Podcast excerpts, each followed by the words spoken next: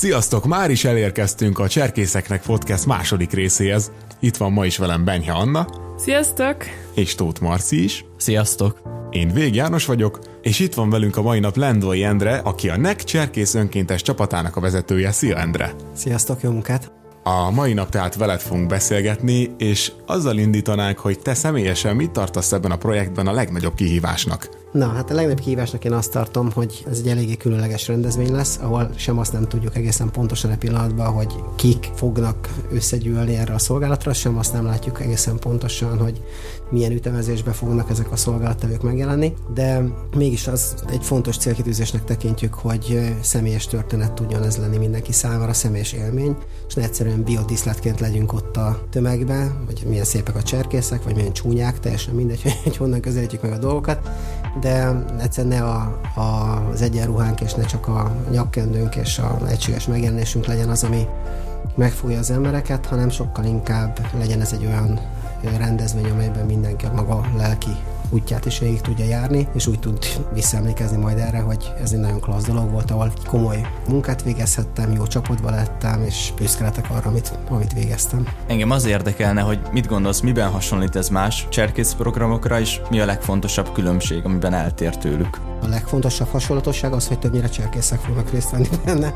A legnagyobb különbség pedig az, hogy nem csak, hanem is. Tehát ez egy olyan rendezvény lesz, ahol ahol cserkészek fellépnek, cserkészek dolgoznak, szolgálatokat végzünk ismételten, hogy egyébként ezt megszoktuk a saját köreinkbe is, viszont a szolgálatunknak az iránya az most a tágabb közösség felé irányul, és egy olyan fajta rendezvényen próbálunk tőlünk telhető, inkább azt mondom, hogy tőlünk szokott összeszedettsége, vagy annál egy kicsit nagyobb összeszedettséggel részt venni, amiben nagyon sok nem cserkész, tehát mondhatjuk így, hogy civil résztvevő van, és őket is próbáljuk segíteni abban, hogy minél mélyebben tudják megélni azt a üzenetet, ami ennek a rendezvénynek az ő személyes üzenete. Egy számukra szóló személyes üzenete, így pontos.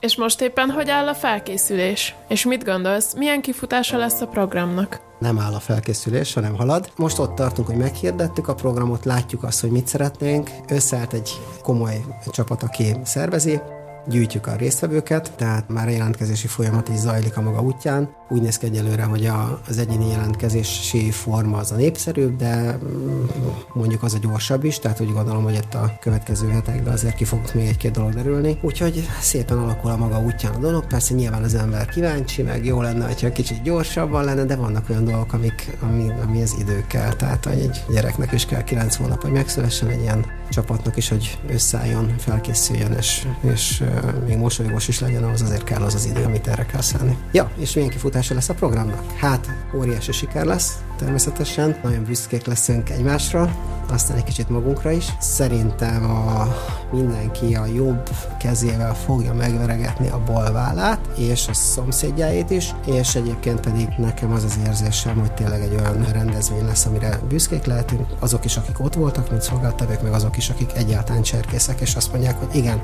ez a közösséghez tartozunk, aki erre is képes volt.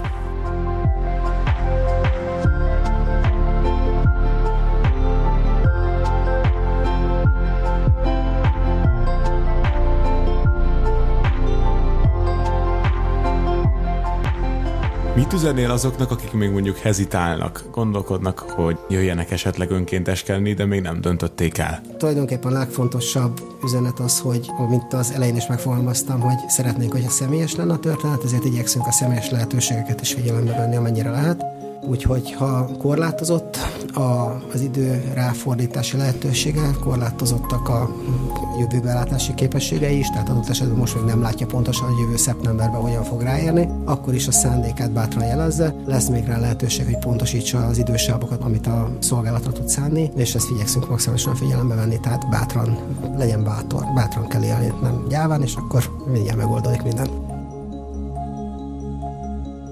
Aki pedig ettől a beszélgetéstől kedvet kapott a jelentkezéshez, az a linket a jelentkezési űrlaphoz megtalálja ez alatt a podcast alatt is.